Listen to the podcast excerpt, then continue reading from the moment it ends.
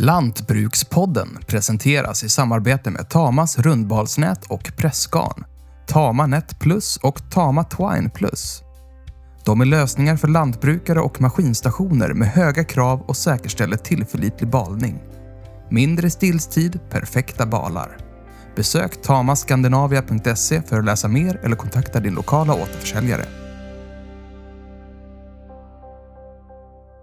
Det är väl en metod som förekommer som kanske inte är så mycket i offentligheten eftersom det handlar om ganska känsliga frågor. För, för en leverantör så är det ju viktigt att kunna ha plats i butiken naturligtvis för sina produkter eh, och ha ett kontinuerligt flöde där. Och i en sån diskussion så, så kan det förekomma att eh, Eh, den här prishöjningen som en eh, leverantör vill se ställs emot ett, ett faktum att eh, då kanske inköparen vill se över sitt sortiment i hyllorna och, och indirekt de facto hota med att övriga produkter kan tas ur hyllorna om, om den här prishöjningen drivs igenom från leverantörens sida.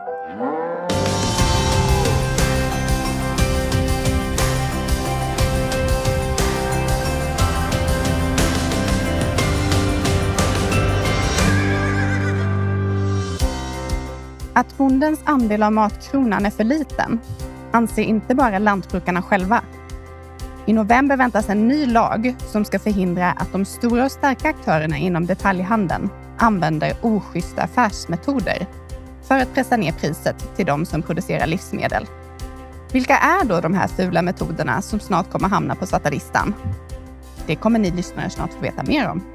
I studion, bland lantbruksreporter Gunilla Ander, som reder ut begreppen med en av LRFs experter på området. Välkommen LRFs näringspolitiska expert Lars-Erik Lundqvist. Tack så mycket. Då tänkte jag börja med att fråga dig. Hur vanligt är det egentligen att de här stora detaljhandelskedjorna pressar ner priset till eh, livsmedelsleverantörerna med metoder som inte är schyssta? Och som kommer att bli olagliga när den nya lagen träder i kraft? Tittar man på de undersökningar som finns bland eh, personer som sitter i förhandlingar med eh, handeln så är det ju fyra av fem som upplever att de någon gång under den här typen av förhandlingar har stött på eh, villkor som man kan uppfatta som tveksamma och som alltså nu kommer att bli förbjudna helt enkelt. Ja, och eh, det är speciellt för Sverige väl kanske också? Ja, koncentrationen i Sverige är ju väldigt stark i detaljhandelsledet. Det är ju tre kedjor som står för 90 procent av varuflödet. Så det är ju därför det blir en väldigt stark makt hos, hos de här tre inköparna. Eh, men mönstret ser ju ut ungefär så här i Europa också. Eh, med en, en stark eh, detaljhandelsmakt. Och det är ju precis därför som det här regelverket har kommit på plats. Eh, för att det är vanligt förekommande i, i livsmedelssektorn. För det handlar inte bara om att vara oschysst rent allmänt utan det handlar om att den som är stark utnyttjar det här överläget för att systematiskt Eh, förhandla fram villkor som gynnar en själv, som gynnar den starkare helt enkelt. Och då har man eh, pekat ut eh, vissa metoder som kommer att bli direkt förbjudna. Och jag tänkte att du skulle få berätta om de här sju metoderna. Då har vi en då, som är att dra ut på betalningen orimligt länge. Det sägs här i lagförslaget att köparen måste betala inom 30 dagar. Och då vill jag veta, hur vanligt är det att köparen struntar i det? Ja, det, det förekommer naturligtvis. Annars hade det inte blivit förbjudet att betala senare än, än 30 dagar. Och även om betalningstiderna i handeln kanske genomsnittligt inte ligger så jättelångt över 30 dagar så är det ju bra att branschen här gör som alla andra branscher där det är ju gängse att betala sin faktura efter 30 dagar. Så det, det är bra att det blir normaltillståndet även i livsmedelssektorn. Just den här möjligheten att inte betala efter 30 dagar, är det så att det rent av sätts i system lite grann? Att det är etablerad affärskultur? det kan väl bli så efter långvariga så att säga, förhållanden att det sätter sig längre betalningstider i vissa branscher. Man hör väl exempelvis från trädgårdsbranschen att det inte är ovanligt att det kan vara vanligt med längre, eh, väsentligt längre betalningstider än 30 dagar. Så därför är det bra att det för svensk del nu etableras en regel som säger att det är 30 dagar som gäller och då får man rätta sig efter det helt enkelt. Du säger just eh, trädgårdsbranschen, då, då slår mig direkt så här att då handlar det om färskvaror dessutom. Att det, inte det är lite motsägelsefullt att, att det är där man dröjer så länge med betalningar? Eller är de ännu svagare, de eh, motparterna? Ja, det, det, kan vara lite svårt att, att se varför det har etablerat sig just där. Det kan väl bero på att eh, en, en inköpare kan ha ganska många mindre leverantörer att välja på. Att man därför har, när man eh, förhandlar med olika så, så försöker man pressa villkoren till, till bästa möjliga i olika situationer. Men, men man kan väl säga så här, ofta är det ju så att när, när handeln köper in varor från en leverantör så omsätts ju de i praktiken ganska snabbt i butiken, mycket utav det. Så att eh, handeln får ju in pengar från konsumenterna eh, relativt tidigt efter sina inköp. Så att det gör det ju än mer motiverat att, att leverantörerna får betalt i rimlig tid, alltså inom 30 dagar. Det var så intressant eh, det här som du nämnde, för att då har vi ju nästan eh, redan eh, ringat in det här som är problemet som jag har hört förekommer mycket, att det är en stor köpare och många små underleverantörer och att de kan liksom spelas ut mot varandra på något vis. Då, att eh, den som nöjer sig med betalning efter 60 dagar, den kanske får orden och då är det lätt att tillåta det. Ja, det kan ju dessvärre bli så att man... Ehm, för att en leverantör vill ju sälja sina produkter och är det dessutom färskvaror så är det ju, har man ju efter en tid inte så stora möjligheter att omsätta det på annat sätt. Så det är lätt att förstå att man kan komma in i en kultur där, där eh, villkoren successivt blir till, eh, till inköparens fördel snarare än till leverantörens fördel. Då kommer vi in på nästa metod på den svarta listan. Eh, och då handlar det om annulleringar av order. Eh, ett problem är då att eh, köparen kan få för sig att annullera med så kort varsel så säljaren bara står där liksom med sin produkt och vet inte vad man ska göra med den. Ehm, I det här lagförslaget så sägs det att annulleringar av order de får inte göras med kortare varsel än 30 dagar. Då vill jag veta, hur vanligt är det då? Att eh, order annulleras bara så här? Ja, nej, jag har väl ingen eh, exakt statistik på det här området, men precis som när det gäller de här metoderna generellt så är det tillräckligt vanligt förekommande så att man nu förbjuder och, och säger att du, du måste anmäla en förändring i rimlig tid för att ge leverantören en chans att hitta en annan kanal att omsätta de här varorna på.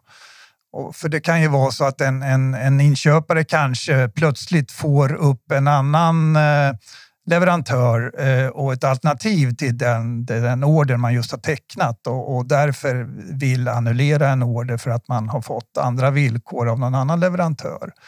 Men det kommer ju då att kunna stävjas med det här nya villkoret att man måste ha en viss eh, framförhållning när man, eh, när man eh, annullerar ordrar.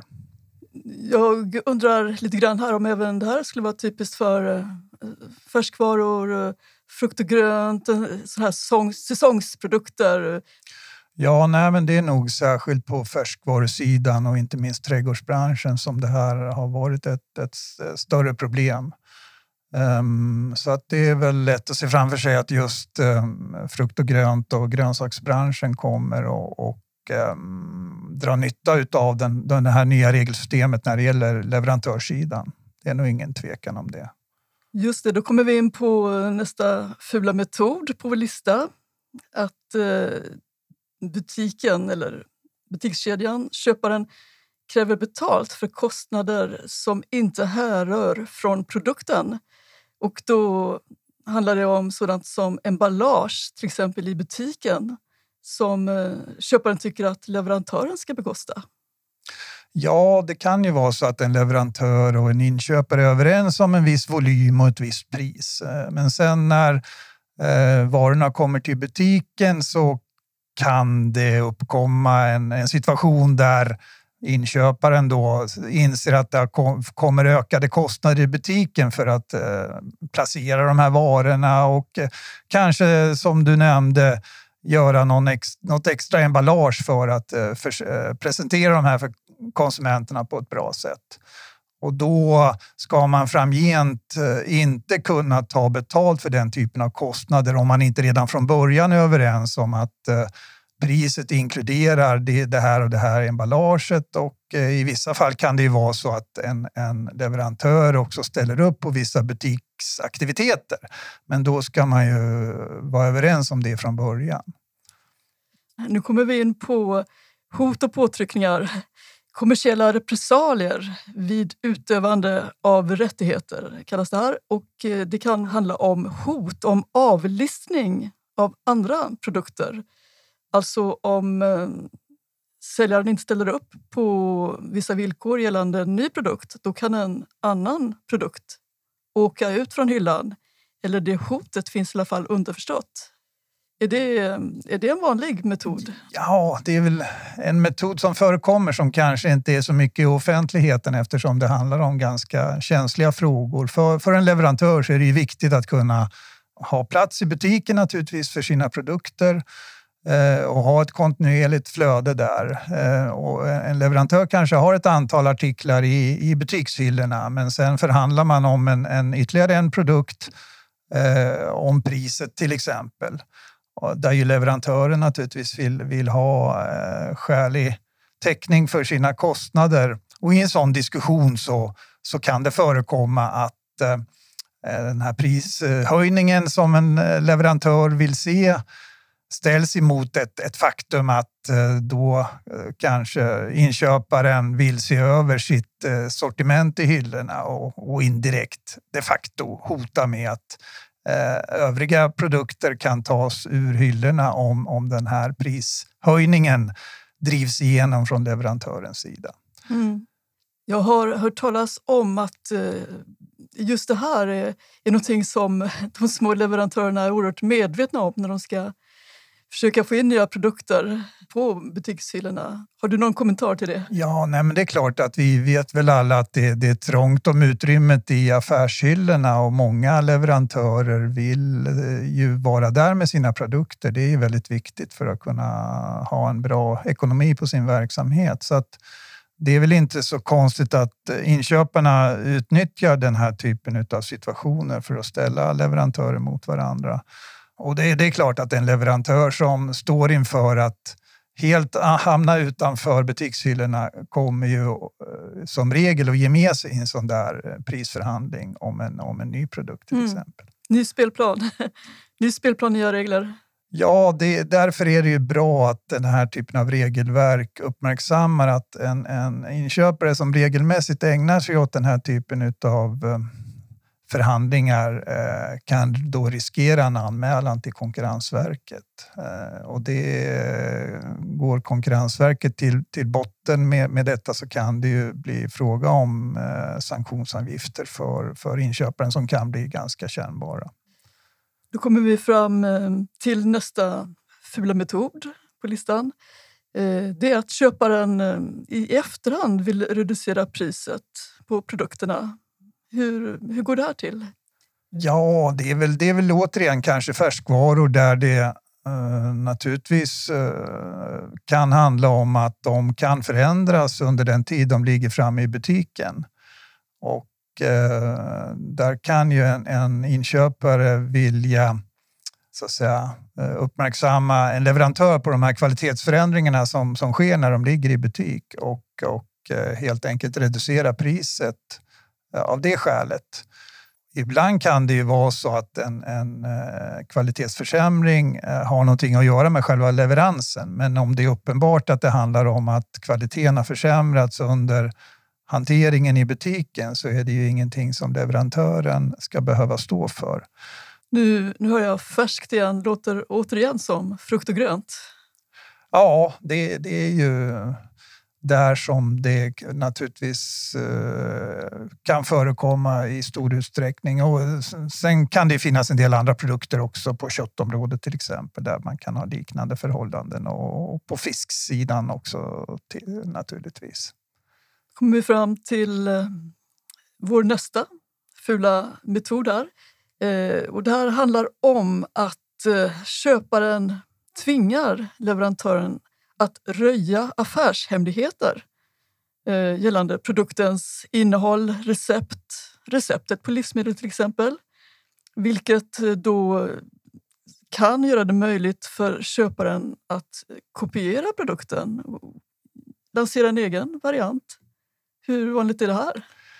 Ja, det är alla som har sett utvecklingen i butikshyllorna med, med mycket egna märkesvaror eh, där man ehm, eh, ja, å ena sidan naturligtvis breddar utbudet för, för konsumenterna. Eh, det kan ju också finnas positiva delar med eh, egna varu, varumärken. Men eh, ibland är det uppenbart att den här produkten är mer eller mindre en kopia på en produkt som en leverantör har tagit fram. Och i sådana tydliga fall så ska man då kunna åberopa den här regeln för att hävda att Eh, en produkt som man själv har tagit fram och, och, lanserat och tagit på sig kostnader för när det gäller utveckling nu eh, framträder i, i hyllorna eh, i form av en, en mer eller mindre eh, bra kopia på, på originalet så att säga. Det finns ju en del eh, lite uppmärksammade fall här. Eh, en av de stora butikskedjorna kopierade ett sånt här hälsobröd som hade gjort stor framgång på eh, hälsovågen. Det fanns eh, eh, ett sunt eh, koncept där det appellerade till den medvetna eh, konsumenten och så vidare. Och den här stora kedjan lanserade en liknande produkt som var så väldigt lik så att konsumenten kanske inte ens såg skillnaden. Ska det vara såna riktigt uppenbara fall eller Ja, nej, men det, när det är förändrade konsumtionsmönster så är det viktigt att få fram produkter som konsumenterna vill ha. Så eh, det är i grunden positivt att man har en, en, en, en differentierat utbud på, på marknaden.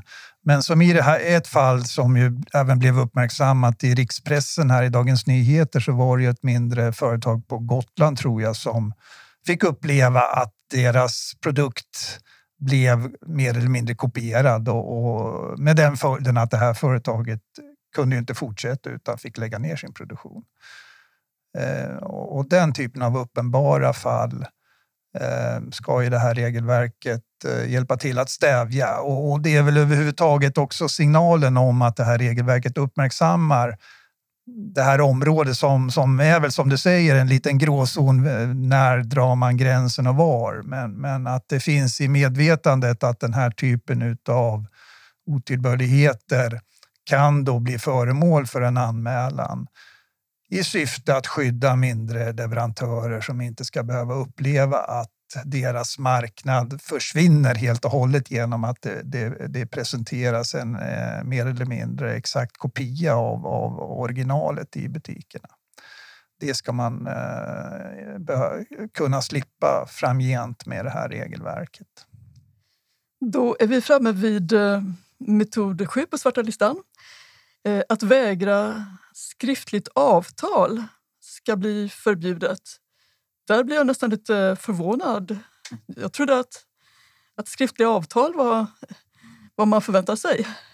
Ja, det, det, tycker jag också. Det är ju, jag tycker väl att alla sunda affärsrelationer bör ju baseras på ett skriftligt avtal, att vi är överens om det här och det här och det bekräftar vi nu på, på, på, genom det här avtalet. Så det, jag tycker väl också att det här är väl kanske den viktigaste grundbulten i hela hela förslaget att en leverantör som vill ha en skriftlig eh, dokumentation på det man är överens om ska kunna få det. Eh, och, men det är väl kanske också avsaknaden av skriftliga avtal som har möjliggjort den här skalan och exemplen med otillbörligheter för att det blir väldigt svårt för en leverantör att bevisa vad som gäller om det inte finns ett skriftligt avtal från början. Sen är det klart, och sen kan man väl kanske förstå eh, kanske vissa mindre aktörer på inköpssidan som, som kan uppfatta det här kravet som eh, lite onödig byråkrati om man känner leverantören väl och allt fungerar och, och då är allt gott och väl. Men, men saker och ting kan ju förändras över tid så att eh, även i sådana situationer där två aktörer känner varandra väl så, så kan det naturligtvis finnas skäl för att ha en, en skriftlig överenskommelse. Och eh, här finns ju alla möjligheter att ta fram standardutformningar på avtal som, som hjälper mindre aktörer att snabbt stämma av vilka moment i ett avtal som man behöver ha med för att också respektera den här typen av ny lagstiftning. Den här lagstiftningen eh, innehåller också någonting som man kan kalla för den grå listan. Alltså det handlar här om metoder som inte kommer att bli uttryckligen förbjudna men eh, de kommer att kunna vara förbjudna eh, såvida ingenting annat har kommit överens. Då handlar det mycket om reklam. Det händer ju idag rätt ofta att köparen, butiken, vältrar över sina kostnader då för reklam, rabatter, kampanjer och sådant på leverantören. Och eh, där finns det ju eh, klagomål från leverantörerna. De tycker att eh, om Ica, låt oss säga Ica har en stor eh, reklamkampanj, varför ska jag betala för den? Ja, nej, men det, mm, så kan det ju vara att um, reklam är ju en viktig del i alla affärsrelationer för olika parter. Ibland kan ju en leverantör ha nytta av att det visas upp produkter i media ehm, som kommer just från en leverantör. Eh, om två parter är överens om att här kan en leverantör vara med och ta vissa kostnader för det Ehm, så, så kan ju det fortfarande vara tillåtet om, om bägge parter är överens om att det är rimligt att uh, stå för en del av de här kostnaderna. Men i det fall en leverantör inte tycker det är rimligt så har man alltså rätt enligt det här regelverket att tacka nej till det. Så det kan bli så att eh, uh, ICAs leverantörer de får um, ta ställning till om de vill finansiera ICA-Stig i fortsättningen? Ja, det, det, har ju varit ett uppmärksammat exempel i media där mm, Ica kanske lite slentrianmässigt har skickat räkningar till, till leverantörer för den här eh, eh, i och för sig populära eh, reklamen i media. Men, men via det här regelverket så blir det lite tydligare att parterna måste vara överens om att det är ett, en del i en affärsrelation i så fall och, och ser, ser leverantörerna att den här reklamen i media i första hand är någonting som, som ICA tjänar på att eh, jag som leverantör inte gör det, då har man alltså rätt att tacka nej till den typen utav utav um, kostnader eller liknande som, man vill, eh, som handeln vill att en leverantör ska vara med och, bekosta. Men eh, eftersom, eftersom vi inte har Ica Coop Axfood här i studion så eh, vill jag ändå nämna någonting här som eh, de brukar säga när de eh, anklagas för att använda oschyssta affärsmetoder. Och då brukar det argumentet, motargumentet vara att de gör det också för konsumentens skull. Att man behöver hålla nere priserna till konsument. Och att, att det handlar också om att stå upp mot stora jättar inom livsmedelsbranschen, eh, alltså livsmedelsleverantörer, internationella jättar som eh, Nestlé till exempel.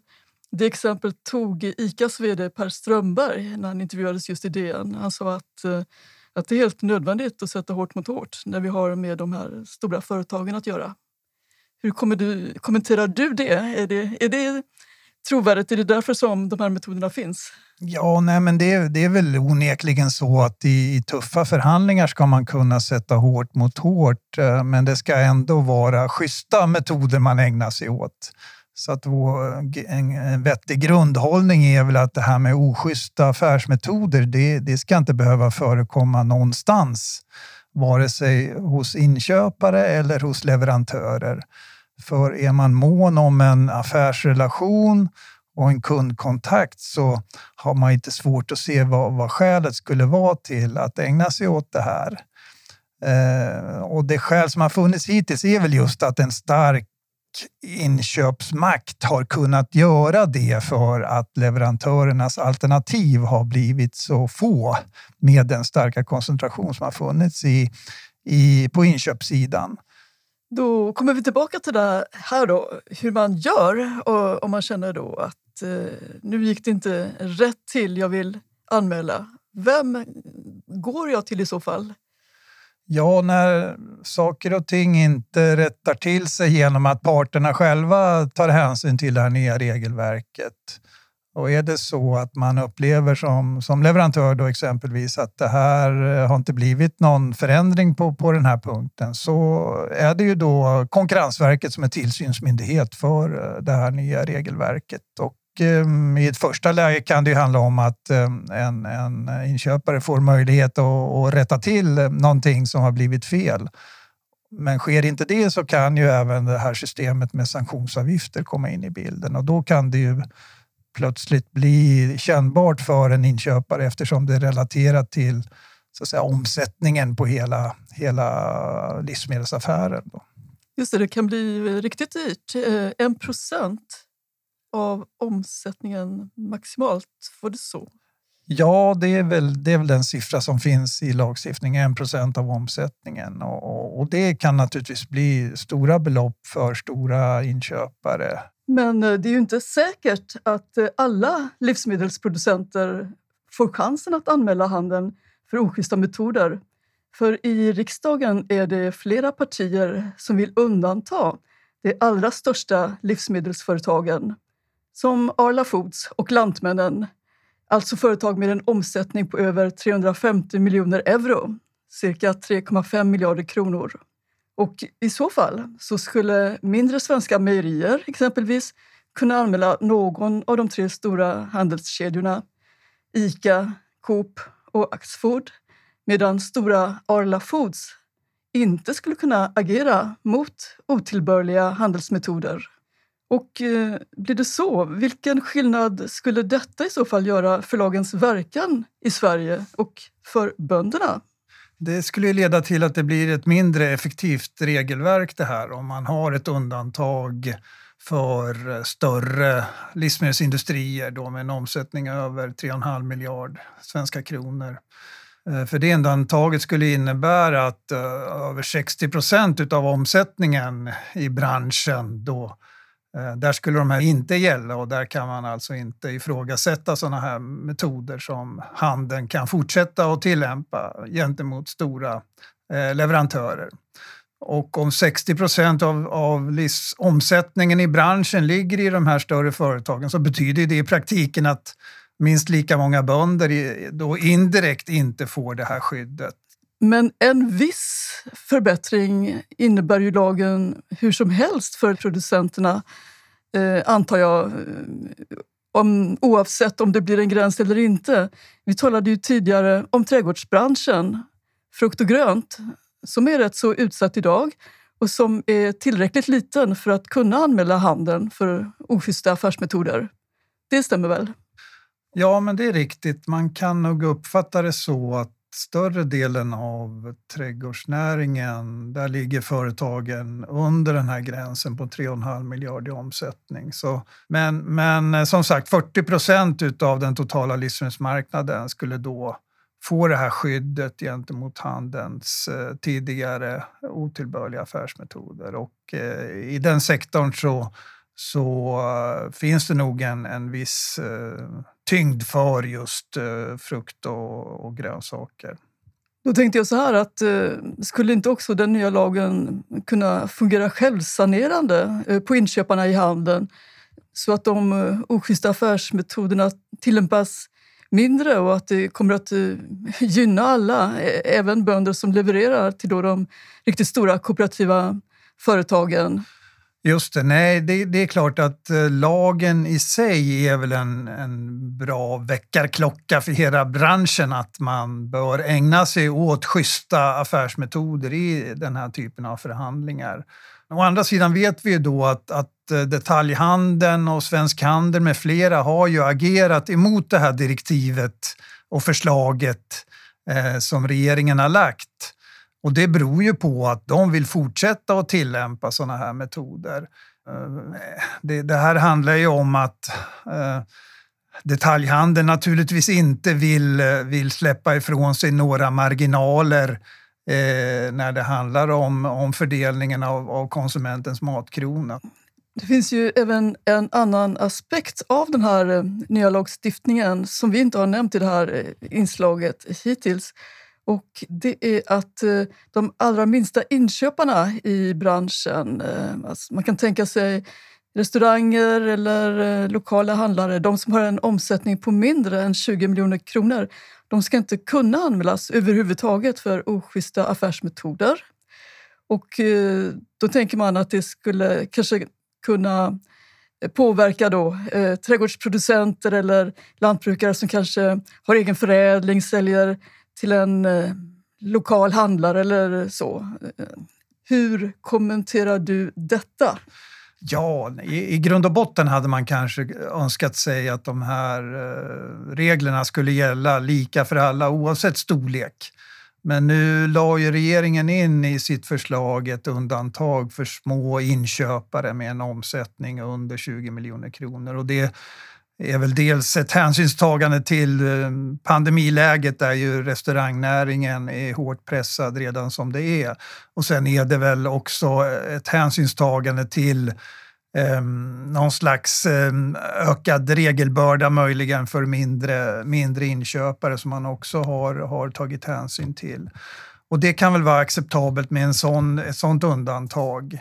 Eh, normalt sett bygger den typen av eh, eh, samarbete på ganska goda relationer så där tror inte vi att den här typen av eh, regelverk egentligen eh, kommer, kommer upp till ytan. Så undrar jag avslutningsvis. Eh, tror du att det här kommer eh, att öka eh, bondens del av matkronan? Vi talade ju i början här av inslaget om att de flesta lantbrukare tycker att den är för liten idag.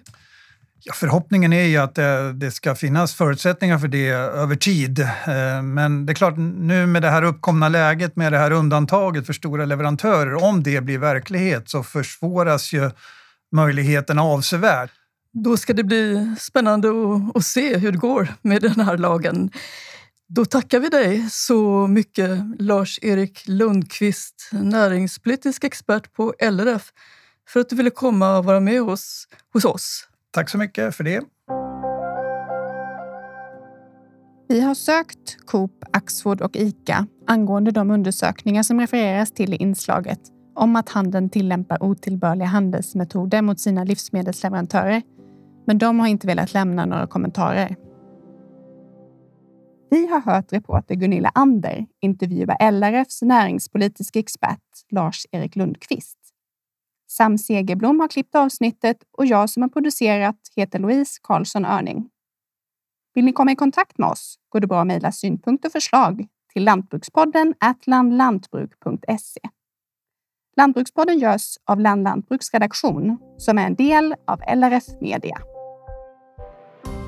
Lantbrukspodden presenteras i samarbete med Tamas rundbalsnät och pressgarn, Tama Net Plus och Tama Twine Plus. De är lösningar för lantbrukare och maskinstationer med höga krav och säkerställer tillförlitlig balning. Mindre stillstid, perfekta balar. Besök tamaskandinavia.se för att läsa mer eller kontakta din lokala återförsäljare.